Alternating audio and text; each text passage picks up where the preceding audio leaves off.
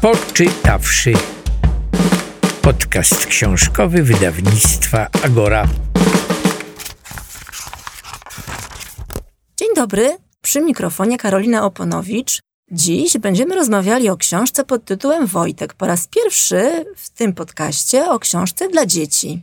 Pora przywitać naszych gości, razem ze mną autorzy Wojciech Mikołuszko Dzień dobry. i Małgosia, Małgorzata Dmitruk. Dzień dobry. To jeszcze krótko Was przedstawię, powiem trochę więcej. Wojtek, jesteś dziennikarzem naukowym, paleontologiem, autorem książek dla dzieci, między innymi e, cyklu Tato, a po co tato, a dlaczego z tatą w przyrodę i drugiego cyklu Wielkie pytania małych ludzi oraz Wielkie eksperymenty dla małych ludzi.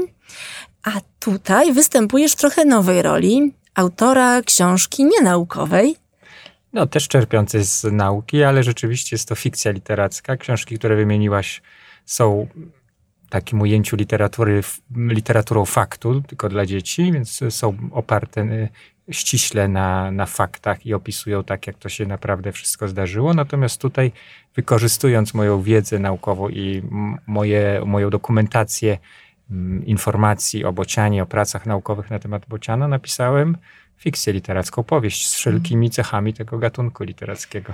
No właśnie, to powiedzmy krótko. Co to za historia tego bociana? Jest dwóch bohaterów głównych tej książki. To jest może nietypowe jak dla powieści, bo zwykle mamy jednego bohatera głównego. Bohater tytułowy, Wojtek, jest to bocian, bocian biały, który rozmnaża się, mieszka latem na Podlasiu, na małej wsi, ma tam gniazdo.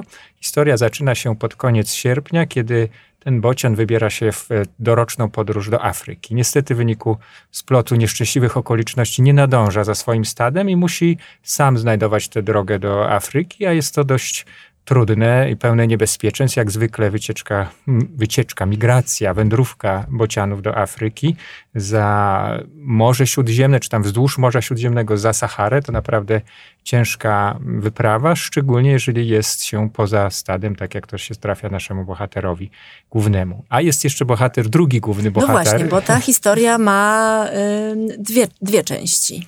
Tak, drugi główny bohater to jest siedmioletni chłopiec Jacuś, który widzi bociana na gnieździe, mieszka w domu, gdzie jest, znajduje się gniazdo tego bociana Wojtka. I e, na samym początku historii dowiadujemy się, że e, tata tego chłopca wyjeżdża.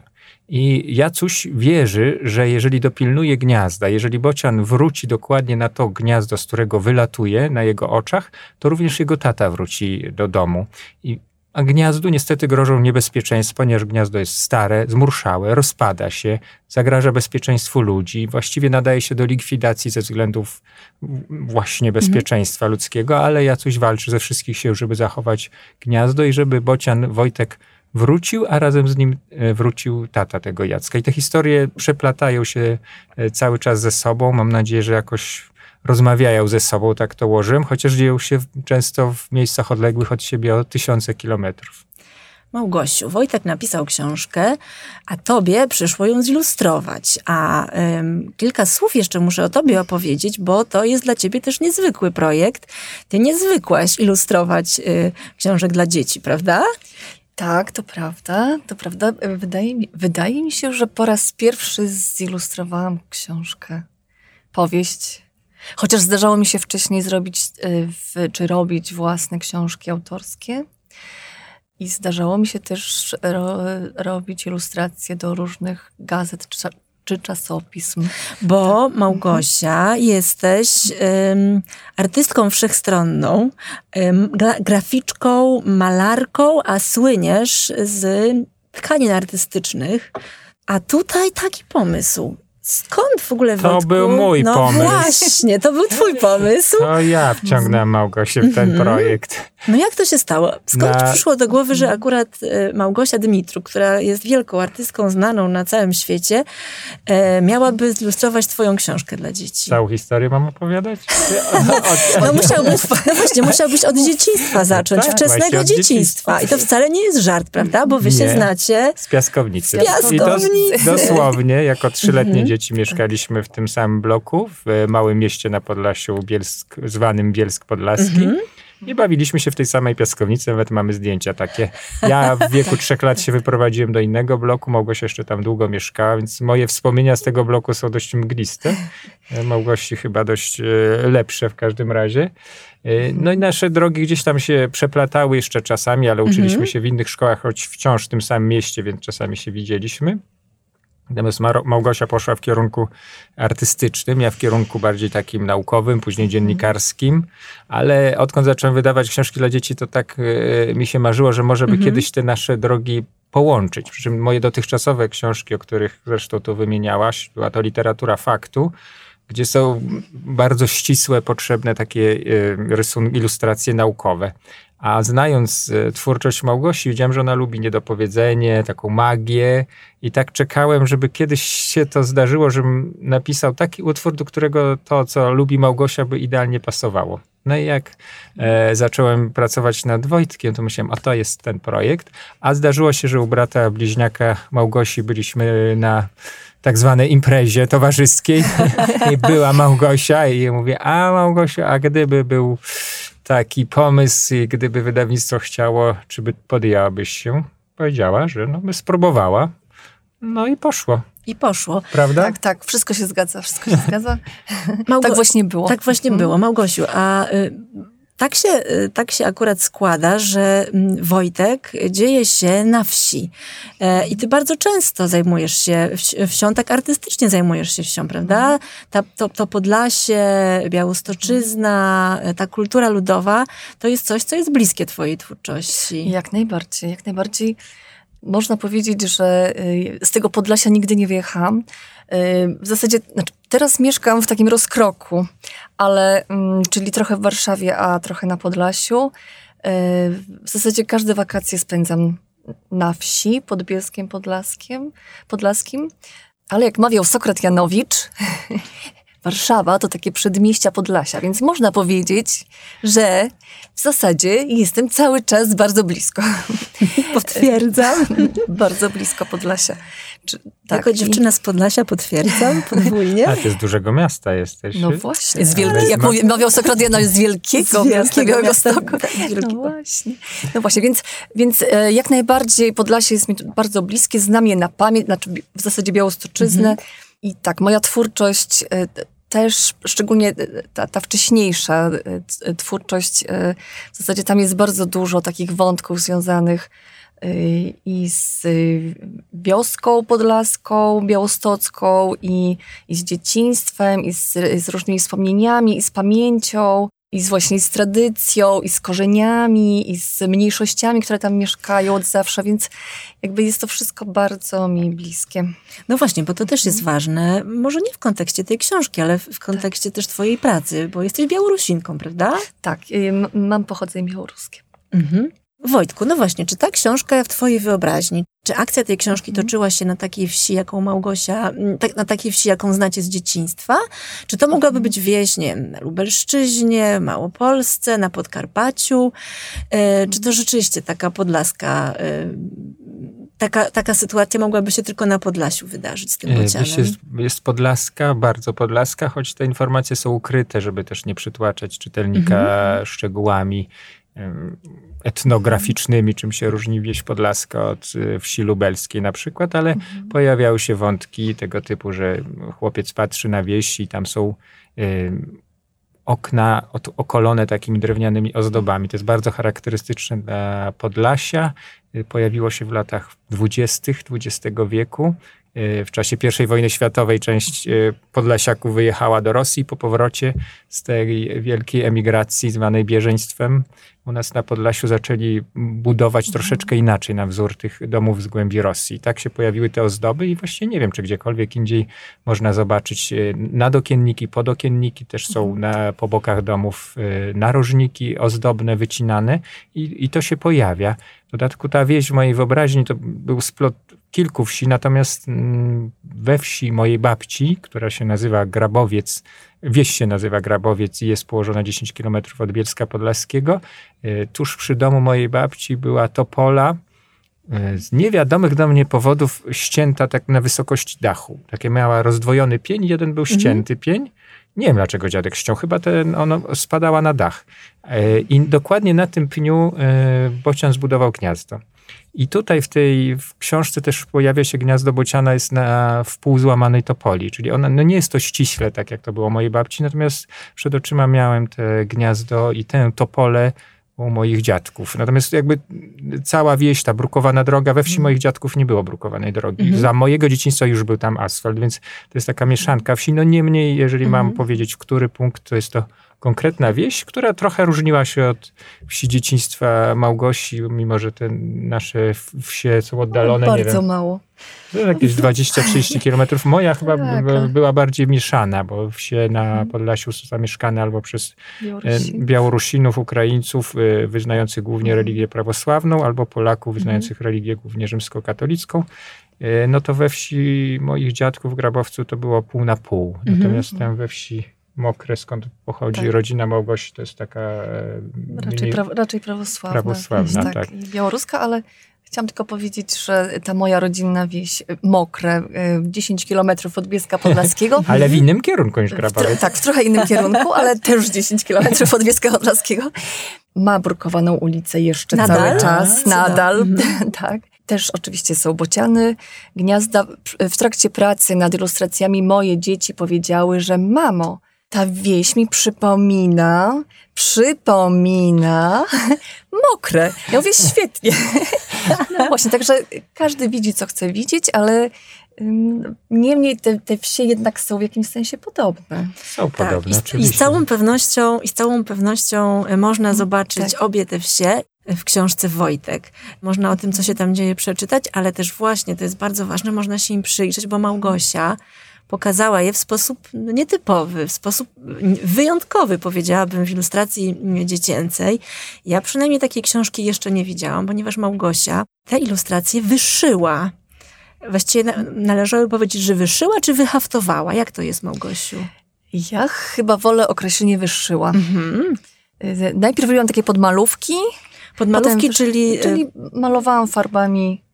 Czyli brałaś kawałek płótna, Brałam kawałek płótna, w zasadzie, tak, tym? w zasadzie po- pocięłam stary pokrowiec e, tak, na, na kołdrę, Mhm. pocięłam na różne kawałki i potem e, malowałam farbami różne sceny. Nie, oczywiście najpierw przeczytałam książkę, tak, i e, od razu potem do Wojtka zadzwoniłam i powiedziałam, że słuchaj, tę książkę e, e, czytałam jakbym oglądała film.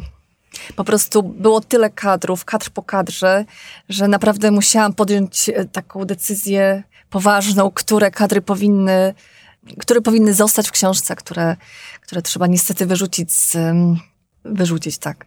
Klęska urodzaju, jeśli tak, chodzi tak, o inspiracje tak, artystyczne. Tak, tak, tak, w zasadzie czytałam i, i cały czas widziałam to wszystko, tak.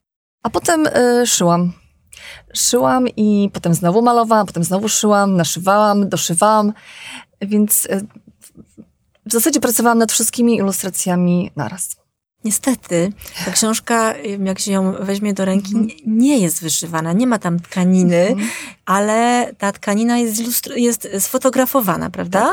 Tak, zeskanowana, sfotografowana. Pracowało bardzo wiele osób, mam wrażenie, nad książką. Właśnie, to jest zaskakujące, prawda? Że ci, którzy Mhm. książkę biorą do ręki, często nie mają świadomości Mhm. tego, ile osób przyłożyło się do tego, Tak. żeby można było ten papierowy przedmiot ym, Mhm. mieć i się nim cieszyć.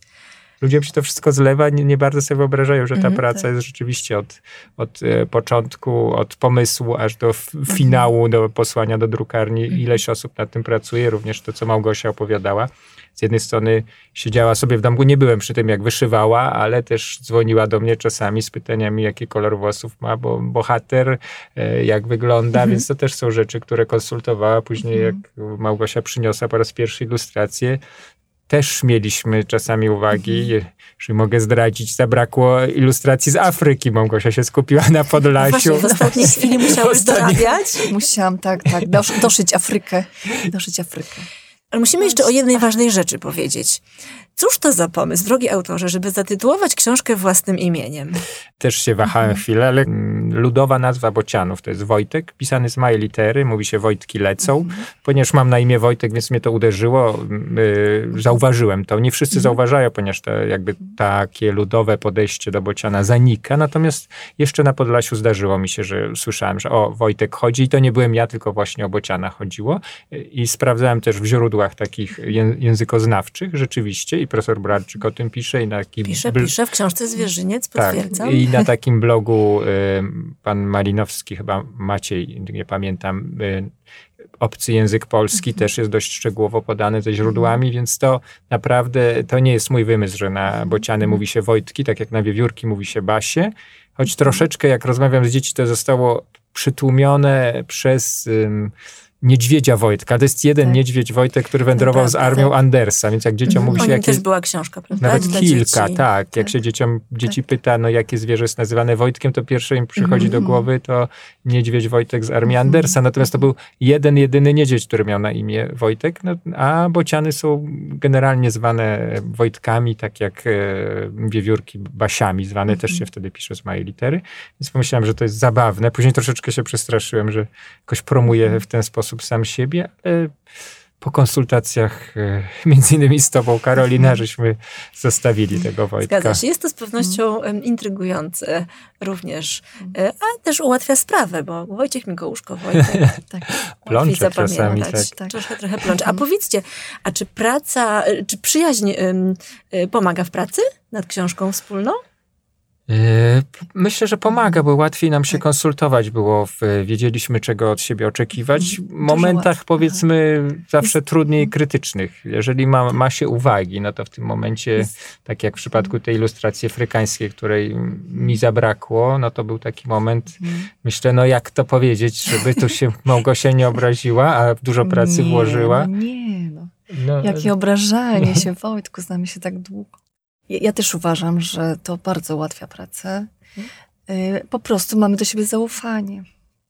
Wydaje mi się, że Wojtek chyba też miał do mnie zaufanie. nie, no oczywiście. jeśli w trakcie pracy nie było takich, takiego podglądania, tylko wszyscy czekali na, na rezultat końcowy. Więc No- to chyba też mówi o jakimś zaufaniu po prostu. Nie no, oczywiście znałem ilustrację, znaczy twórczość, nie ilustrację, ale twórczość e, Małgosi, bo jak e, rozmawiałyście ze sobą na temat twórczości, no to jakby pierwszą techniką, Mhm. z której zasłynęła Małgosia, była litografia. Ty chyba odchodzisz już od litografii. Tak, tak, tak.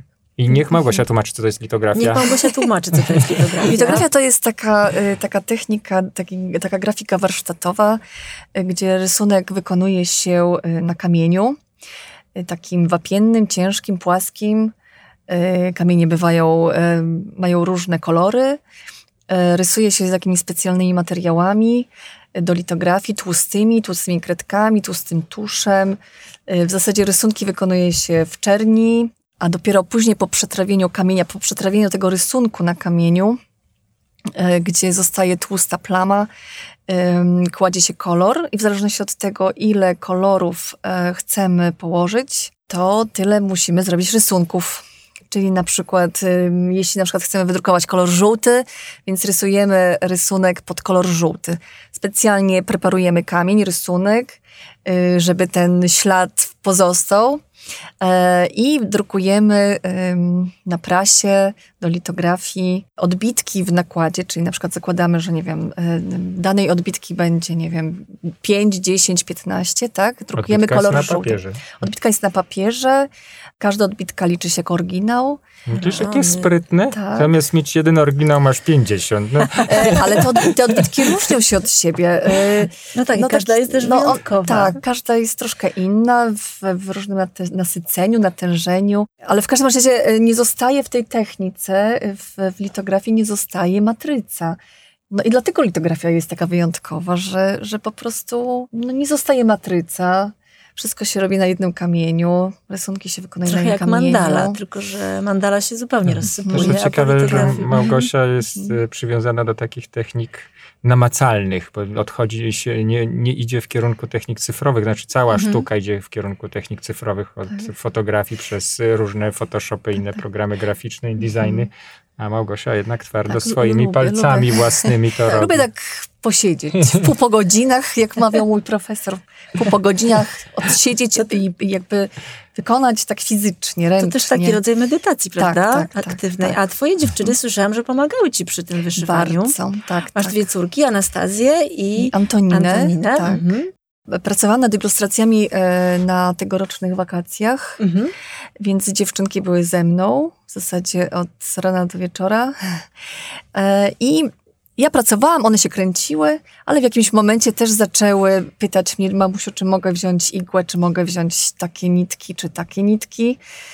Brały i też szyły, więc jak tak przez obserwację matki zaczynały same pracować, ale też często je pytam o radę, na przykład co myślą na temat tej ilustracji Mhm. albo czy ten tamtej. kotek, czy narys- kotka na przykład, wyszyć, czy tak. tu pieska? Nie ma, dzieci nie mają takiego problemu, że nad czym się trzeba jakoś bardzo zastanowić. Tak? Mhm. One rzeczywiście odbierają wszystko bardzo spontanicznie, pracują bardzo szybko, więc Mhm. bardzo mnie wspierały, pomagały. Myślę, że to też jest ważne, Mhm. że jakby jak artyści mają czasami skłonność do odchodzenia w tak, tak na tyle symboliczne Mhm. rysunki, że dla dzieci to przestaje być w pełni zrozumiałe. No, Mhm. Trzeba mieć dobrze wyrobiony gust plastyczny, żeby to w pełni pojąć, jakby odczuć te, te obrazy. Natomiast tu Małgosia, mając córeczki pod sobą, to one sprowadzały na ziemię, bocian ma być bocian, jak. Tak, tak. rozumiem. Sprawdzało się to na nich, żeby Małgosia nie, nie Rysowały bociany. O, tak, ja, ja pracowałam, one rysowały bociany też. Sprawdzały, czy, te też, czy twoje Tak. bociany też mają czerwony dzioby, Tak, oczywiście, czerwone nogi, jak skrzydła dwa. Tak, Wojtku, ale tak. dla ciebie to też, Małgosia opowiadała o litografii i o, Mhm. i o tkaninach, ale dla ciebie to też jest trochę inny rodzaj pracy, bo ty rzeczywiście jesteś przyzwyczajony do takiego non-fiction, bym powiedziała bardziej, do takiej pracy bardzo blisko faktów, a tutaj historia, którą rozwijasz, która gdzieś tam się z twojej głowy rodzi, czy to dla ciebie jest miła odmiana, praca nad takim tekstem, gdzie nie musisz się trzymać konkret, konkretnych faktów, tylko możesz sobie tak pojechać? Nie, no, na pewno mnie ciągnie w tę stronę, zawsze ciągnęło, natomiast z jednej strony można pojechać z wyobraźnią i jest to duża zaleta, z drugiej no, trzeba to opanować, żeby to wszystko było spójne. W przypadku literatury faktu, czy non-fiction, to masz fakty, duży, dużo czasu zajmuje dokumentacja. Przy, przy kolejnej książce, nad, e, nad którą obecnie pracuję, no to nie wiem, pół roku spędziłem na dokumentacji, czytaniu wszystkich materiałów. To naprawdę wymaga. Później właściwie problem jest z odrzucaniem czegoś. I to, to jest spójne, bo takie było to życie, tak, tak się zdarzyło. No. Tylko ono, jak to życie jest czasami nieco chaotyczne, nie ma tak, że tu człowiek spotyka jedną osobę i to tworzy jakąś historię, tylko te osoby się zmieniają. Często problem przy takich biografiach, że one są takie e, kwieciste, rozchodzą się na boki. No, tak, tak jest życie. Ale mamy wtedy konkrety i nie ma kłopotu z tego, że nie ma kłopotu z tym, że to jest coś niespójne, bo po prostu tak było. W przypadku e, powieści, no to oczywiście wyobraźnia może odlecieć. Mogę zamiast tych pięciu postaci, które tam ktoś w życiu spotyka, które zmieniają, skleić jedną, więc to rzeczywiście pozwala na większą zwartość. Z drugiej strony wciąż czyhają niebezpieczeństwa, że wyobraźnia gdzieś odleci i to straci pewną spójność, no bo jakby życie z natury jest spójne, bo tak było, a tutaj jednak musimy się pilnować, żeby ta osoba miała konkretny charakter. Mhm, Czyli trochę w autora, takiego z y, wyobraźnią nieograniczoną, co chwila wchodził e, dziennikarz, który mówił, nie, nie, nie, bociany nie mówią, bociany nie chrapią, bociany nie pływają. Dziennikarz, ale nie tylko dziennikarz, bo jakby tworzenia, tworzenia fikcji i naukowiec, tak, oczywiście masz rację, ale tworzenia mm, fikcji literackiej też uczyłem się, miałem, miałem jakby dwóch przynajmniej nauczycieli. Jeden był, za pierwszym razem był, to była amerykańska pisarka Hester Kaplan, która uczyła e, kreatywnego pisania podczas stypendium, jakie e, miałem przez rok w Stanach e, na, na uczelni Massachusetts Institute of Technology. A z kolei rok e, 2017-18 spędziłem na kursie scenopisarstwa w szkole Wajdy, gdzie mm, pracowaliśmy w grupie, oprócz tego mieliśmy indywidualne zajęcia z e, tutorami. Moim tutorem, tutorem został e, reżyser Sławek Fabicki, swego czasu mhm. też autor scenariuszy obecnie. No i tam też z kolei uczyliśmy się jeszcze dodatkowych rzeczy, czyli cel bohatera, przemiana bohatera, relacje bardzo nastawienie. Z jednej strony mm, to wydaje się takie mm, oczywiste, ale z drugiej jak się skupia człowiek na czymś, co jest tak e, troszeczkę mglisty jak relacja. To nie mhm. jest taki łatwe do złapania jak, e, nie wiem, pożywienie bocianów, tylko relacja chłopca z matką, relacja chłopca z, a, o, mhm. z ojcem, przemiana tej relacji, cel, trudności, czyli stawka. No i tego wszystkiego też starałem się e, słuchać, pisząc tę książkę, więc ona jest jakimś pokłosiem, e, owocem rozmaitych moich prze, przeżyć, ale również tych spotkań z tymi nauczycielami. Ale powiedz, czy udało ci się odciąć um, od takiego obowiązku niesienia um, oświaty kaganka? No nie, oczywiście nie. Jest to światy kaganek. No. Bociana troszkę może e, w wbrew sobie, wbrew początkowym za, założeniom troszeczkę uczłowieczyłem. Jednak ten punkt widzenia, tu Bocian nie opowiada w pierwszej osobie, jest to opowieść w trzeciej osobie, ale blisko głowy tak, Bociana. Język jest specyficzny. Więc od... Narrację Bociana można rozpoznać w książce. Tak, e, taki trochę blisko, więc musiałem go troszeczkę uczłowieczyć. E, natomiast oczywiście, że kaganek oświaty tam jest, bo to przygody Bociana są oparte na mm, publikacjach naukowych i rozmowach z e, badaczami ptaków, więc starałem się, żeby to było zgodne z tym, jak taka podróż w rzeczywistości przebiega, czyli połączenie tych wszystkich doświadczeń, ale oparte na naprawdę na, na, na, na porządnej dokumentacji. Więc oczywiście można się dowiedzieć, czym się żywią bociany, jak latają bociany. No, jakby jest to opisane troszkę blisko punktu widzenia bociana, a na koniec jeszcze jest takie posłowie krótkie, które już w sposób stricte popularnaukowy wyjaśnia, o co tu chodzi, jak to działa. Można też zobaczyć w Twojej książce, jak natura jest powiązana ze sobą. To znaczy, jak to, jak nasze bociany w Polsce żyją i czy w ogóle przeżyją, jest powiązane z tym, jakie decyzje podejmują y, mieszkańcy Libanu albo co się dzieje w Afryce. Ta książka też pokazuje, nie wiem na ile tak ci to wyszło, na ile też taki ekologiczny wymiar był zamierzony, ale ta książka rzeczywiście pokazuje, że to, co się w tej chwili wokół nas dzieje, te zmiany klimatu postępujące błyskawicznie, y, to nie jest żadna ściema, tylko to jest y, coś, czego Fakt. doświadczamy i to, to, coś, to wpływa na nasze życie, na życie bocianów, ale też nas, ludzi. Nie, to było w pełni zamierzone. Cieszę się, że tak to czytałaś, bo chciałem też mhm. pokazać przez to, że jakby my nie możemy się odizolować, no będąc nawet szumnie mówiąc patriotami, czy lokalnymi, podlaskimi, czy po prostu polskimi, nie, nie możemy się zamknąć i uważać, że w naszym tutaj, w naszej części świata jesteśmy wystarczalni, samowystarczalni i nie mamy związku. Mhm. No Bocian pokazuje, który jest takim, takim y, drugim co do narodowości mhm. po Bieliku, no naszym mhm. takim Narodowym ptakiem. Tak, mhm. narodowym ptakiem sztandarowym. Jednocześnie jest obywatelem świata. Po prostu leci przez ileś krajów, przez całą Europę, kawałek Azji, przez Półwysep Azja Mniejsza, później Sahara, Sudan. Y, niektóre bociany docierają aż na samo południe Afryki, do Republiki Południowej Afryki. No, no, no jak to? Jeżeli po prostu powiązania są tak, tak mocne, że tego aż nie da się nie dostrzec. Znaczy przed badaniami mm, wędrówek ptaków, można było tego nie zauważać. Natomiast obecnie e, no to wręcz świadczy jakiejś ignorancji, że nie widzieć tego powiązania i tego, że e, będziemy, nie wiem, e, bardzo uważnie chronić jakiegoś gniazdo bociana w jednej wsi, a nie będziemy dbać o ograniczenie emisji gazów cieplarnianych, ponieważ wtedy nie, za, nie zachowamy tego bociana. Sahara się rozszerzy, on musi polecieć e, na południe. Owszem, część bocianów przestała odlatywać, ale to jest inny wątek. Akurat w naszej części Europy one jednak wciąż odlatują, może przestaną, ale to też wpływa. Bo zrobi się cieplej. E, zrobi się cieplej, a do tego mają pożywienie mm, po drodze, czyli te śmietniska, które też tu mhm. się pojawiają. One, mhm. część bocianów zachodniej Europy przestała odlatywać i spędza zimę na śmietniskach, co wcale też dobrze na nie nie wpływa. Znaczy szybciej wracają, nie mają tej ciężkiej podróży, nie giną tyle, ale z kolei się trują różnymi toksycznymi mhm. śmieciami, więc żyją krócej na przykład. Więc to, no jakby zmieniamy ziemię, no po prostu ziemia jest, jedna jest powiązana y, wieloma nićmi. To, to właściwie było, jakby pierwszy, który odkrył, to był ten przyrodnik Aleksander von Humboldt, który odkrył, że tysiącznymi nićmi, jak to się wtedy w XIX-wiecznej polszczyźnie pisało 18, z końca XVIII wieku. To wszystko jest powiązane, no a jakoś późno to do nas dociera. No teraz przez choćby te skutki globalnego ocieplenia widzimy, że to nie da się żyć w jednej wsi otoczonym płotem i udawać, że świat, reszta świata mhm. nie istnieje. Czyli nawet to nasze podlaskie sioło wydawałoby się idylliczne, dotykają zmiany klimatu.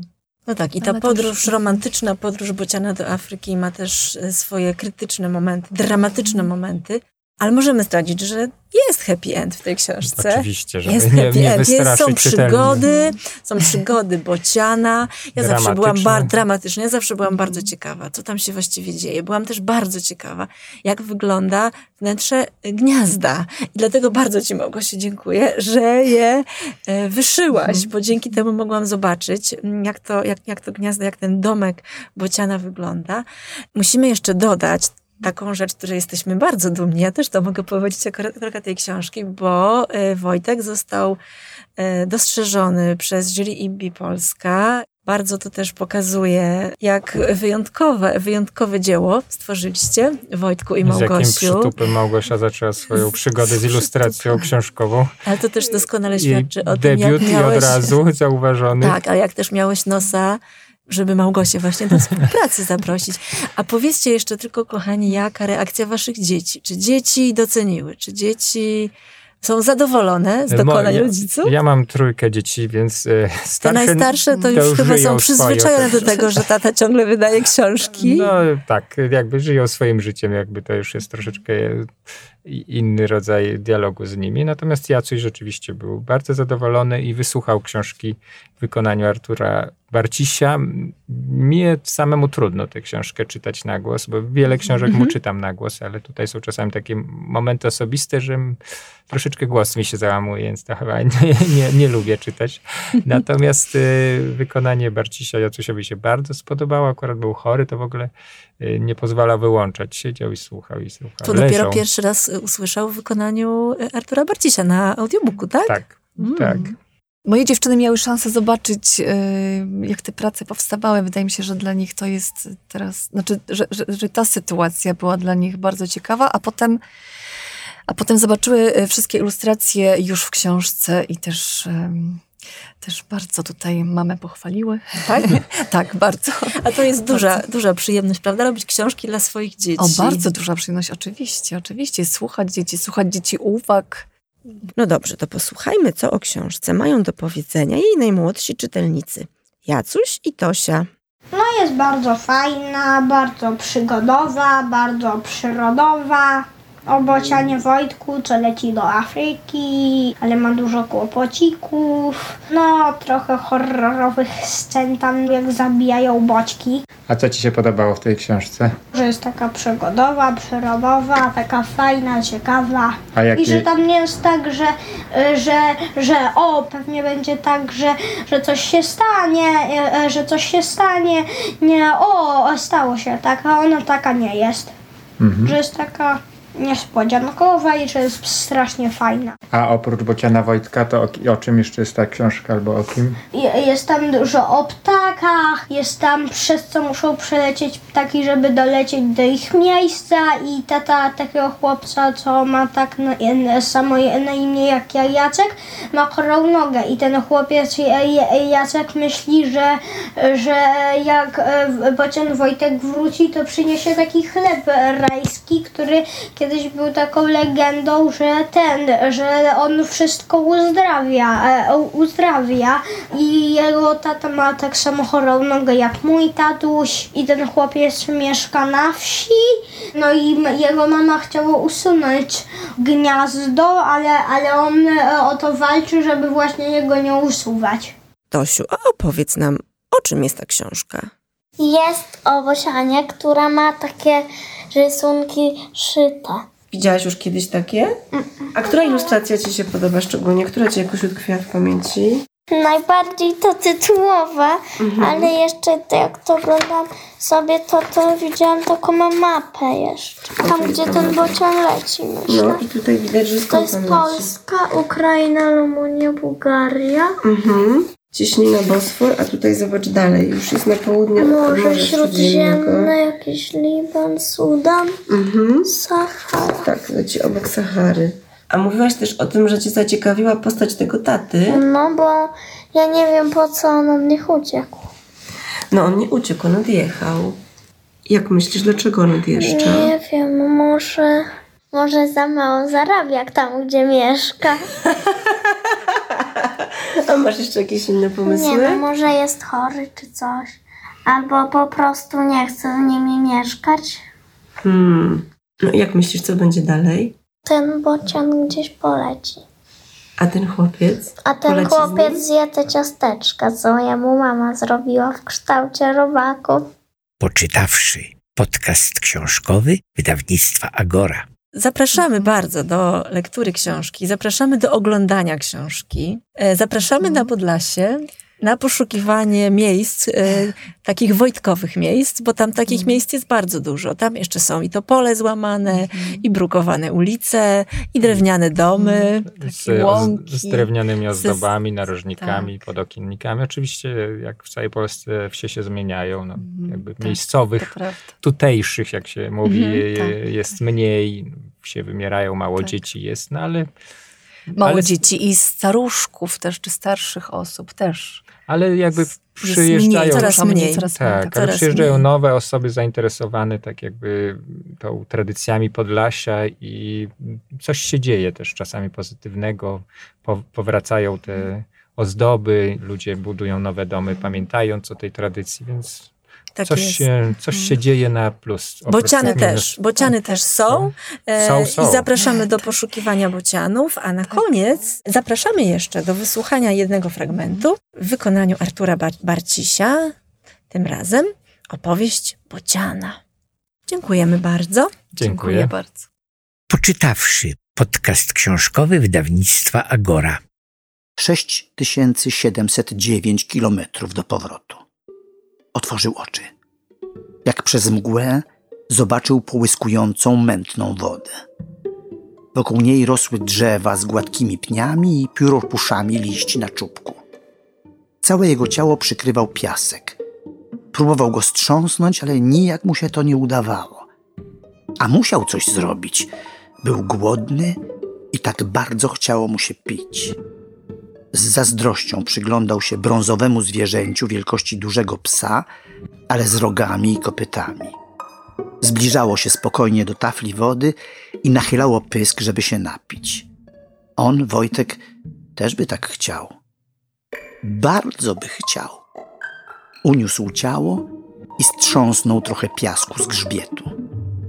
I tyle. Na więcej wysiłku nie było go stać. Z powrotem padł na ziemię, a ten rogacz pił, pił i pił. A niech go licho weźmie. O nie, nie, nie to miał na myśli. Licho wyskoczyło z wody i chwyciło rogacza za szyję. Wyglądało jak ogromna jaszczurka. Miało wielką paszczę i ostre zęby. W jednej chwili wciągnęło rogacza pod wodę. Nic nie zostało, tylko fale na wodzie. I cisza. To co on, Wojtek, miał zrobić? Dać się zjeść, jak rogacz, czy umrzeć z głodu i pragnienia? Ale się urządził. Lepiej zamknie oczy. Może to tylko mu się śniło. Może tak naprawdę właśnie wrócił do swego gniazda i zasnął tam ze zmęczenia. Tak, tak, może będzie lepiej, gdy już się nie obudzi. Głód i pragnienie nie pozwoliły mu spać. Otworzył oczy. Wielka jaszczurka właśnie wyszła z wody. Wylegiwała się na brzegu, ogrzewała w słońcu, które rozpaliło się na niebie. O, to znaczy, że będzie jeszcze gorzej. Bardziej słonecznie, gorąco, sucho i jeszcze bardziej będzie mu się chciało pić. A, trudno. Już lepiej zginąć w paszczy pełnej ostrych zębów, niż wyschnąć na wiór. O, Udało mu się delikatnie unieść ciało. Może jak tak pospał chwilę, to nieco sił mu przybyło. A może to głód i pragnienie mu ich dodały? Tak czy owak, strząsnął z siebie jeszcze trochę piachu. Teraz, gdy zrzucił ten ciężar, mógł nawet stanąć i otrzepać pióra. Nogi mu się plątały, ale do tej wody nie było w końcu tak daleko, a on miał wyćwiczone kulasy po pamiętnej wędrówce. Krok. Jeszcze krok. O nie. Wielki jaszczur go zauważył. Zwrócił na niego swoje przerażające oczy. Może da się go jakoś ominąć.